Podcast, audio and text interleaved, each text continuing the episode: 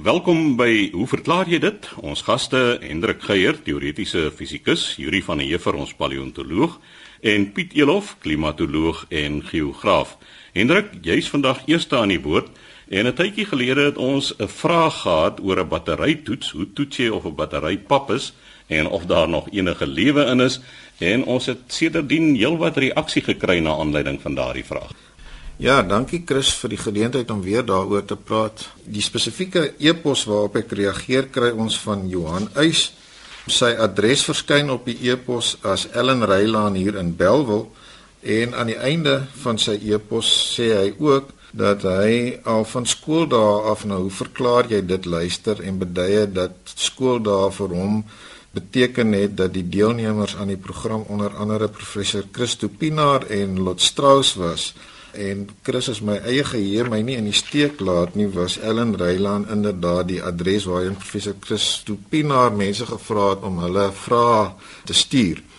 En om hierdie stukkie anekdote af te sluit, kan ek vir Johan hy sê dat ek op skool die voorreg gehad het om vir professor Lutz Strauss by geleentheid as 'n onderwyser in 'n meganika klas te hê. Hy is destyds genooi deur meneer van der Westhuizen wat die meganika onderwyser was en ek was op skool net oorkant van die Universiteit van Pretoria om by geleentheid net uh, 'n uh, bietjie te kom praat oor die meganika wat hy aan die eerste jaar gestudeer het en dit was altyd lekker om na professor Lutz Strauss te luister. Nou terug by waaroor ons gaan praat net om ons almal weer daaraan te herinner waar die vraag vandaan gekom het. Chris dit was 'n vraag wat Dominee Dani Malan van Hoopstad destyds vir ons gestuur het na aanleiding van 'n opmerking wat hy by geleentheid gehoor het dat 'n mens kan vasstel of 'n tipiese flitsbattery nog bruikbaar is deur dit op 'n sementblad of 'n vloerteel te laat val en dan waar te neem tot watter mate dit weer terugbons van daardie oppervlak af. Nou die inligting wat meneer Malan destyds gehad het was dat as die battery goed terugbons, dit nog goed is vir gebruik anders kon jy aflei dat die battery se dae getel is as dit nie teruggebons het nie. Nou ek het destyds 'n paar gedagtes hieroor gehad wat definitief uit die inligting wat ek beskikbaar gehad het na vore gekom het was dat indien daar enige waarheid hierin gesteek het dit net mooi andersom was naamlik dat batterye wat nog heelwat lewe in hulle oor het nie eintlik bons nie terwyl die wat al papperig is inderdaad die teenoorgestelde doen. Nou met daardie inligting het meneer Johan Eis nou baie sistematies te werk gegaan en vir my hier die resultate gestuur van die eksperiment wat hy gedoen het. En toe ek nou weer 'n slag op die internet gaan rondkyk om te sien watter inligting hieroor beskikbaar is, kom ek agter dat daar in Desember verlede jaar op die internet in die omgewing waar mense tipies videogrepe staan maak, ook 'n baie goeie uiteensetting van hierdie eksperiment is en dit lyk vir my die persoon met die naam van Lee Height, skynbaar 'n afgetrede ingenieur. Hy spel dit L E E sy voornaam en sy van is H I T E. Lyk my hy en uh, meneer Eys het baie dieselfde idees gehad. So wat 'n mens in hierdie video greep sien wat meneer Height toon is 'n opstelling waarin hy so 'n mooi geut gevorm het waarin 'n tipiese AAA batterytjie of AA batterytjie net mooi inpas.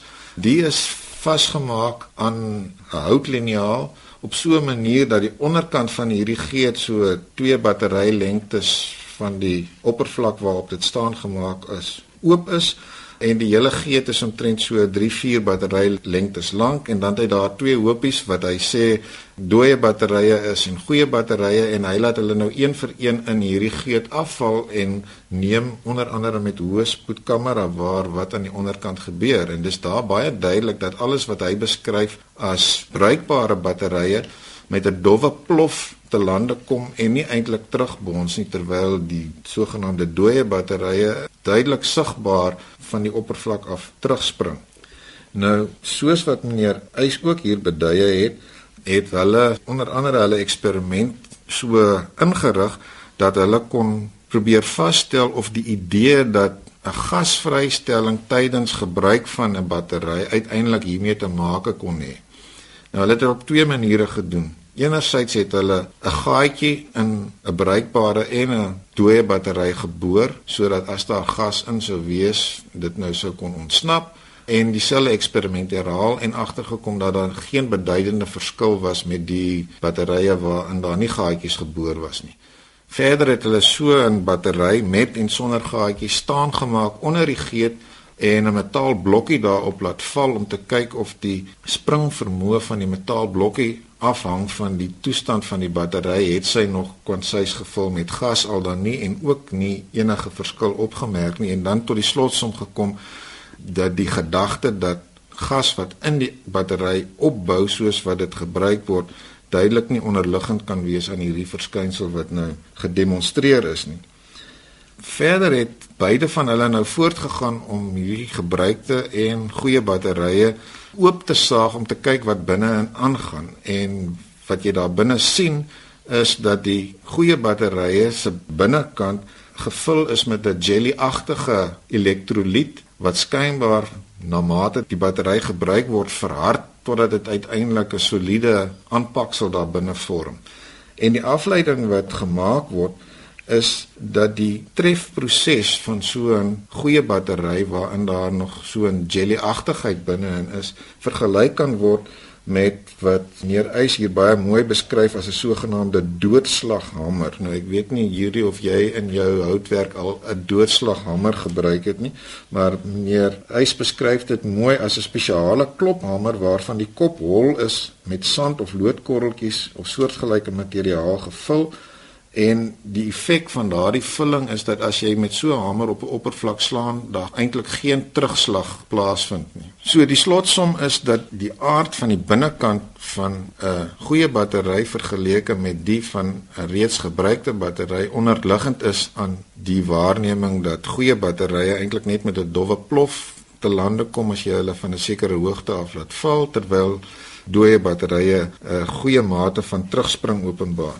Nou interessant genoeg het hierdie storie ook relatief onlangs hier vroeg in September lyk my uiteindelik die nuuskanale begin haal. Soveel so dat 'n korrespondent van een van die Britse koerante hieroor geskryf het.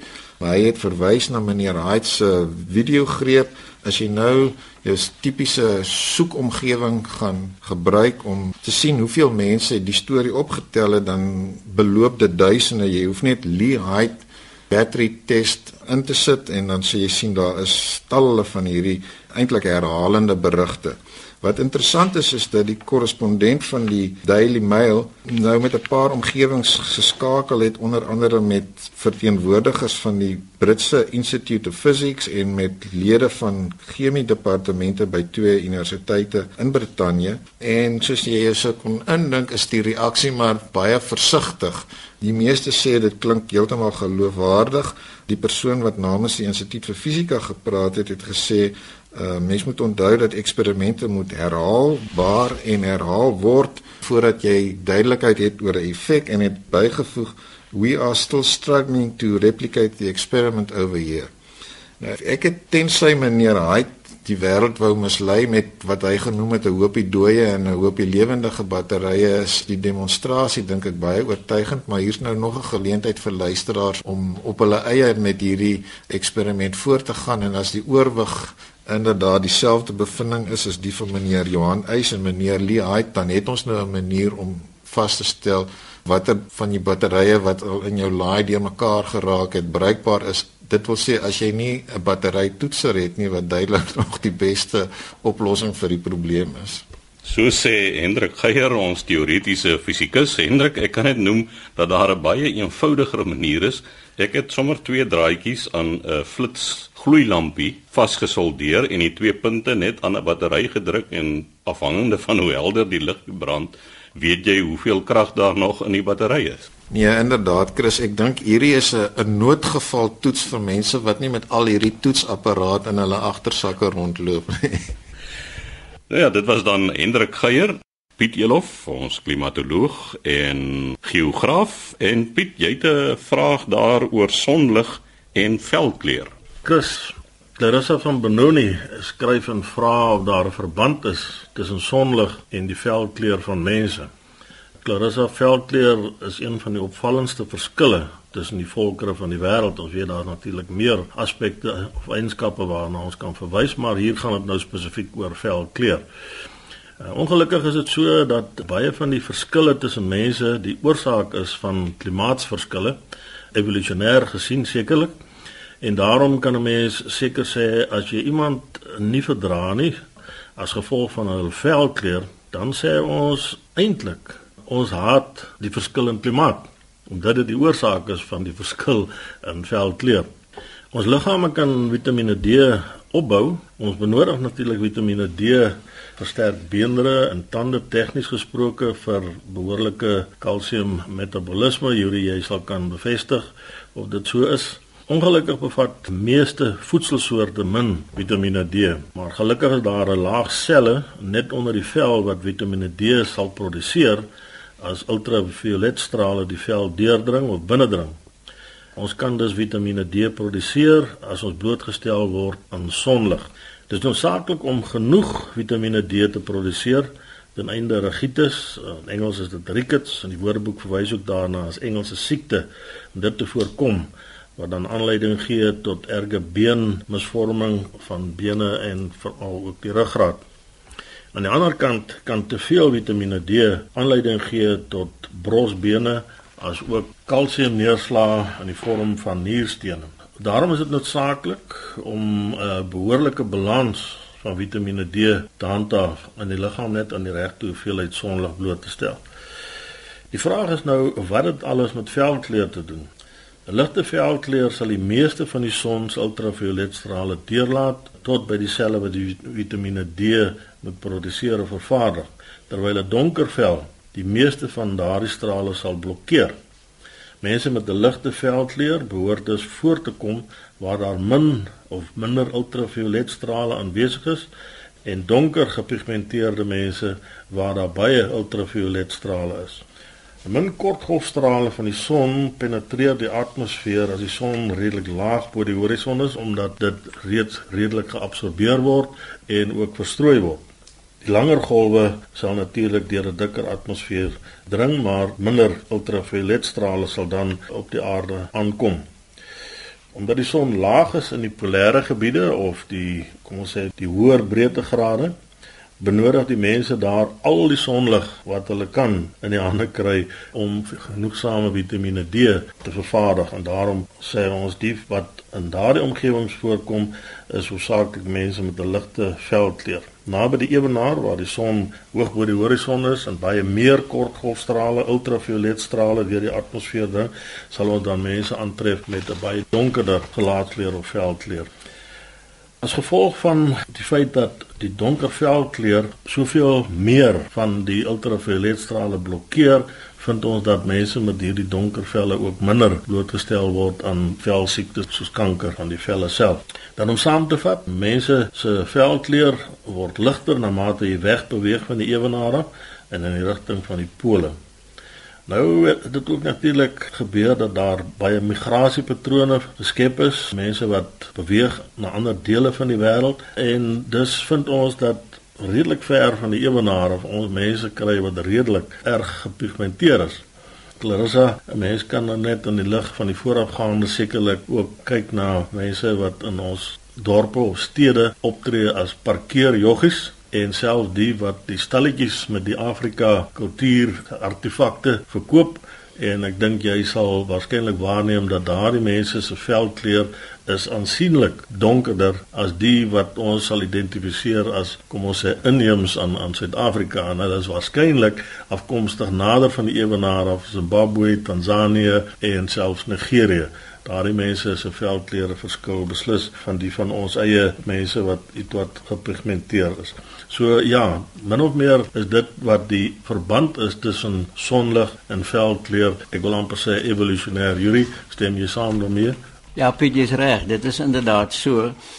En uh, een van die interessante goed van hierdie soort argumente is eintlik as 'n mens met 'n anomalie tevoorskyn kom. En die anomalie is natuurlik die Eskimos wat Asiatiese voorvaders gehad het in die verre noorde gaan bly het en nie hulle pigment verloor het nie alhoewel hulle baie baie min sonskyn kry. So daai kwessie van die sonskyn, die voorloper van die Vitamiene D, lyk dus of dit nie werk nie, maar daar's 'n ekstra faktor daar en dit is hulle dieet. Terwyl ons dieet feitelik geen Vitamiene D insluit nie en ons dit nie kan sintetiseer sonder sonlig nie, het hulle die eet van walrus en walvis en robvleis en vet wat baie hoog is in Vitamiene D. So hulle het 'n totale ander bron van Vitamiene D wat hulle inneem. En dit bewys nou hierdie evolusionêre ding natuurlik, want nou staan geen nut daar's geen rede hoekom hulle velle ligter sal word nie want hulle het reeds genoeg Vitamiene D. En ons kry natuurlik dit vandag in margarien en die soort van uh, goed in. So dit is so, dis werklik 'n baie interessante verskynsel en dit wys ons weer hoe goed op 'n evolusionêre manier gebeur. Ja, ek dink die belangrike ding vir ons wat 'n bietjie ligter van velkleur is, is die belangrike ding om 'n balans te handhaaf in die hoeveelheid sonlig waarin jy jouself blootstel. Ons weet ook soos ek reeds genoem het dat te veel van hierdie ultravioletstrale kan nadelig wees vir jou. Piet, maar ek neem aan as jy jou Vitamiin D vlak vinnige inspuiting wil gee, moet jy seker maar net vir 'n rukkie na 'n nudiste strand gaan. Ja, Chris, ek was self nog nie by so 'n plek nie, maar ek het 'n vermoede dat daar indien jy nie gewoond was daaraan nie, dan sal jy 'n paar liggaamsdele maar goed moet insmeer met die teensonmiddel anders te gaan jy bietjie brandboude hê. Nou ja, dit is aan Piet Elof, ons klimatoloog. Laaste aan die woord, Yuri van der Heever. Nou Yuri, jy het nie verlede keer by die tweede vraag van Brand van Sittert uitgekom oor die fossiele nie en jy gaan nou voort daarmee en dan het jy ook nog 'n vraag. Dankie Chris, goeiemôre almal. Brand van Sittert se tweede deel was om te vra in gevalle waar mens dikwels net 'n tand van 'n prehistoriese dier kry en dan later miskien 'n lang been in die omgewing en jy dink dis dieselfde dier, hoe word dit bepaal? Hoe vind mense uit of hierdie twee goed aan mekaar behoort? Wel, die kort antwoord is jy kan nie uitvind nie. Jy weet dit nie, maar daar is maniere om dit te doen. Want deur die jare is daar al letterlik duisende van byvoorbeeld kroofossiele ontdek. Die werveldiere van die kroo, 'n geraamte bestaan natuurlik uit 'n groot klomp dele en as jy nou op 'n plek kom en jy kry nou 'n lang been en 'n tand saam, dan kan jy na jou verwysingsversameling toe teruggaan en jy kan bepaal of die tand en die been aan dieselfde dier behoort. Daai anatomie is bekend en 'n mens kan dit so doen, maar normaalweg sal jy nie daarop aandring dat stukke wat naby mekaar gevind word definitief aan dieselfde dier behoort nie of as dit beskryf word in 'n artikel sal jy duidelik vermeld hoe en waar dit gekry is. En die idee is nou om die saak op te klaar, nie om dit nog meer kompleks te maak nie. En daar is al gevalle in die baie bekende James Kitching, seker die grootste fossieljagter wat ons ooit in Suid-Afrika gehad het, het al by geleentheid deur die versameling gewerk en dan twee sulke fossiele gekry, miskien dele van skedels wat afsonderlik gedokumenteer is en nadat hy dit nou geprepareer is, skoongemaak is, kon hierdie goed aan mekaar pas met perfekte nate. So dan weet 'n mens dit het aan een dier behoort, maar mens moet baie versigtig wees en dit word nie net se muur aanvaar dat goed wat nie by mekaar hoort nie aan een dier behoort. Dit paleontoloë en navorsers is baie versigtig daaroor. En dan Chris het ons 'n brief ontvang van Jan Koetser van De Ben in die Noord-Kaap. Nou De Ben lê daar naby Kenhardt en by Katoo. Kenhardt het mos die kokerboomwoud en Katoo die daai baie pragtige kameeldoringwoud. En ek het nou baie simpatie met Jan want hy sê ek het 'n vroeging oor 'n kwessie waarmee sekerlik elkeen van ons een of ander tyd van ons lewe worstel, maar by gebrek aan uitsluitsel of konsensus, maar dan weer skouer ophal en die rig daarop keer. Dit gaan nou naamlik oor die sekerlik nou al hollerige geryde vraag oor die herkoms van die mens. En dan sê hy het nou inligting oor die evolusie van die mens in boeke en hy noem vir Australopithecus. En dan sê hy sy vraag in die besonder is hoe 'n mens nou hierdie storie met die Bybelse verhaal aan mekaar sit. Die kwessie van Adam en Eva is hulle geskape soos die Bybel aan ons voorgehou is? Of is hulle die resultaat van die evolusionêre proses van oorsprong en hy sê hy soos hy in sy brief sê, hy vroeg hieroor. Nou Jan, ek sal nou graag wou sê dat as mens soos jy maak, jy het die boeke en dis duidelik dat jy daaroor lees, dan hoef 'n mens nie meer te vroeg nie, want beide vanuit die teologiese kant en die wetenskaplike kant is daar antwoorde. Dit is reeds gegee. Nou van die wetenskaplike kant af is daar geen twyfel oor dat die evolusie van die mens plaasgevind het nie. En die storie daar is dat daar toenemend ekstra eksemplare gekry word vir ons hierdie prentjie invul. Een van die jongstes wat deur Lee Burger gekry is, is Australopithecus sediba, is omtrent 1.9 2 miljoen jaar oud en die analises wat hier opgedoen word is al so gevorder. Die tegnologie is so gevorder. Daar kan stellings gemaak word oor die brein, die grootte van die brein, die breinkrag, die ontwikkeling van die brein van hierdie oermense wat 1.9 of miskien 2 miljoen jaar oud is. Selfs die aanpaksel op die tande, die plaak op die tande is gekry en geanaliseer en hulle kan sê wat het hierdie goed geëet. En die interessante ding is dat net soos moderne sjimpansees het Australopithecus sediba as deel van sy dieet ook bas van bome geëet. So die vlak van navorsing, die vlak van kennis wat hieroor beskikbaar is, is ongelooflik en die hoeveelheid fossiele wat beskikbaar is om die inligting verder te ontleed is ongelooflik. So daar is al 'n reeks publikasies oor net sediba wat vertel van hoe lyk die liggaam, hoe lyk die brein, hoe lyk die ledemate, hoe lyk die voet. Hulle weet Sediba kon gehardloop het soos ons wat die ander Australopithecus nie kon doen nie. So dit is inligting wat 'n mens eintlik nie kan wegredeneer nie want baie mense aanvaar die wetenskap ten volle wanneer dit kom by medisyne en radio's en horlosies, digitale horlosies en dis daar's niks daarmee verkeerd nie. Maar die oomblik wat al hierdie inligting oor die fossiele bekend gestel word, dan sê hulle wag wag wag nou dit gaan dan nou te ver en ons kan doodgewoon nie meer dit bekostig om ons lewens en wêreldbeskouing te laat skief trek deur te sê hier's nou 'n groot deel van die wetenskap wat ek nou net gaan ignoreer. Ek gaan niks daarin doen nie. So die feit dat ons uit vroeë forme ontwikkel het is reeds baie goed gedokumenteer. Terug tot by daai skedel wat hulle in Wes-Afrika gekry het van Sahelanthropus wat waarskynlik baie naby aan die skeidingslyn lê tussen die groot ape en die mens. Dit lyk soos 'n baie goeie eh, gemeenskaplike voorvader wat toon dat ons wel anders is. Ons is op 'n eie ontwikkelingslyn, maar ons het hierdie gemeenskaplike kenmerke en ons toon dit nog in ons moderne liggame. Nou dis die een kant van die saak. Die ander kant van die saak is dat die teologie het ook nie stil gestaan nie en dat daar baie baie inligting is. Daar's boeke geskrywe en ek wil graag een boek noem, iets voorlees uit een van die jongste boeke wat ek het oor hierdie saak. So as jy luister Jan en jy wil dalk die titel neerskryf, sê gou daar vir jou jongste om 'n pen of iets te gaan haal. En soveel teoloë het al hulle navorsing beskryf oor die afgelope 200 jaar oor wat die Bybel is, hoe die Bybel is, hoe ons Bybelstories en die mites van die Bybel moet interpreteer. Wat moet ons daarvan maak? En deesdae is 'n groot debat aan die gang oor die persoon van Jesus. Was hy 'n god of 'n mens? Wat het met die kruisiging gebeur? Wat het met die opstanding gebeur? En dan natuurlik die groot storie die maagdelike geboorte. Elke Sondag nog in die kerk met die geloofsbelijdenis word daar spesifiek gesê gebore uit die maagd Maria.